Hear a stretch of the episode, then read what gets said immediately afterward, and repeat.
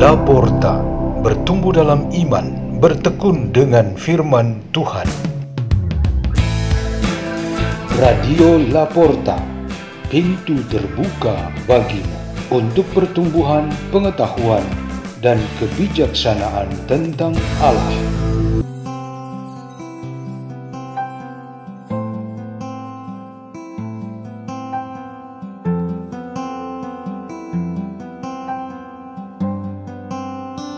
Bacaan dan Renungan Sabda Tuhan Hari Kamis Pekan Biasa ke-8 1 Juni 2023 Peringatan Santo Justinus Martir dibawakan oleh Madonna dan Nefri dari komunitas Pukat Labuan Bajo, Keuskupan Ruteng, Indonesia.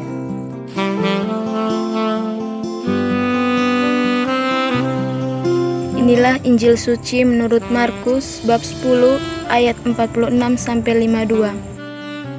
Pada suatu hari, Yesus dan murid-muridnya tiba di Yeriko. Ketika Yesus keluar dari Yeriko bersama murid-muridnya dan orang banyak yang berbondong-bondong, duduklah di pinggir jalan seorang pengemis yang buta bernama Bartimeus, anak Timotius. Ketika didengarnya, bahwa yang lewat itu Yesus orang Nazaret. Mulailah ia berseru, Yesus anak Daud, kasihanilah aku. Banyak orang menegurnya supaya ia diam. Namun semakin keras ia berseru, Anak Daud, kasihanilah aku. Maka Yesus berhenti dan berkata, Panggillah dia. Mereka memanggil si buta itu dan berkata kepadanya, Kuatkan hatimu, Berdirilah, ia memanggil engkau. Orang buta itu lalu menanggalkan jubahnya. Ia segera berdiri dan pergi mendapatkan Yesus. Yesus bertanya kepadanya, "Apa yang kau kehendaki kuperbuat bagimu?" Orang buta itu menjawab, "Rabuni, supaya aku dapat melihat." Yesus lalu berkata kepadanya, "Pergilah, imamu telah menyelamatkan dikau." Pada saat itu juga melihat ia, lalu ia mengikuti Yesus dalam perjalanannya. Demikianlah sabda Tuhan.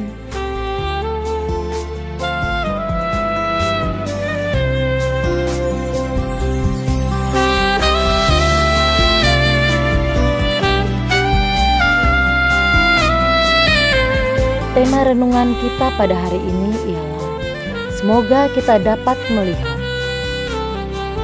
Mata tubuh kita ialah jendela kepada dunia, sedangkan mata hati kita ialah pintu kepada jalan menuju surga. Demikian kesimpulan bimbingan rohani yang diberikan seorang frater kepada para anggota Miss Dinar. Setelah mendengar itu, seorang Miss Dinar mengajukan pertanyaan.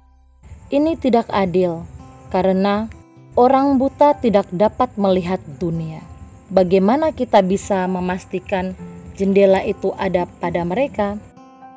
Frater tidak merasa kehilangan akal untuk dapat menjawab pertanyaan itu.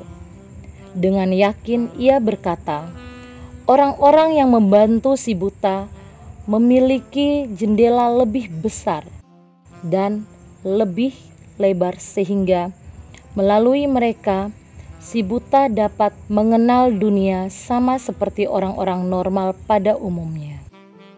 Semua yang mendengar jawaban frater menjadi mengerti dan tanya jawab mereka berlanjut ke topik-topik lainnya.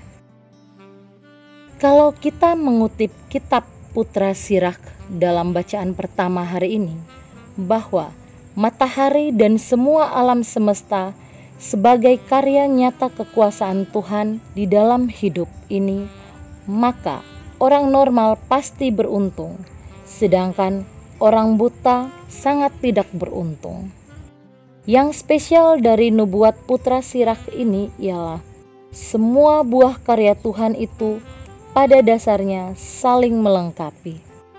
Sesungguhnya tidak ada kekurangan apa pun karena Tuhan mengadakan semua dalam keadaan lengkap.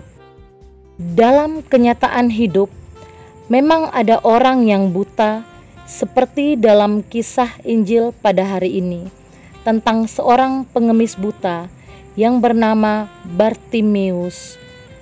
Namun, ada orang-orang di sekelilingnya yang berbicara dengannya dan yang menuntun dia kepada Yesus.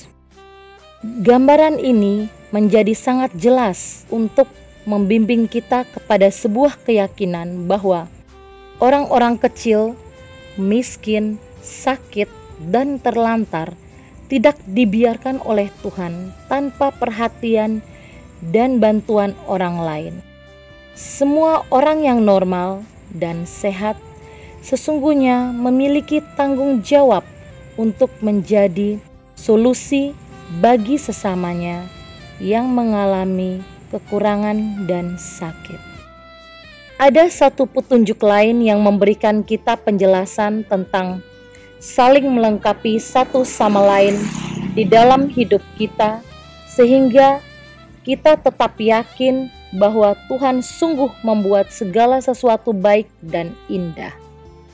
Orang yang mempunyai kekurangan pada mata tubuh alias buta tetap menjadi istimewa bagi Tuhan sesama karena mereka mempunyai mata hati yang membuka diri kepada Tuhan.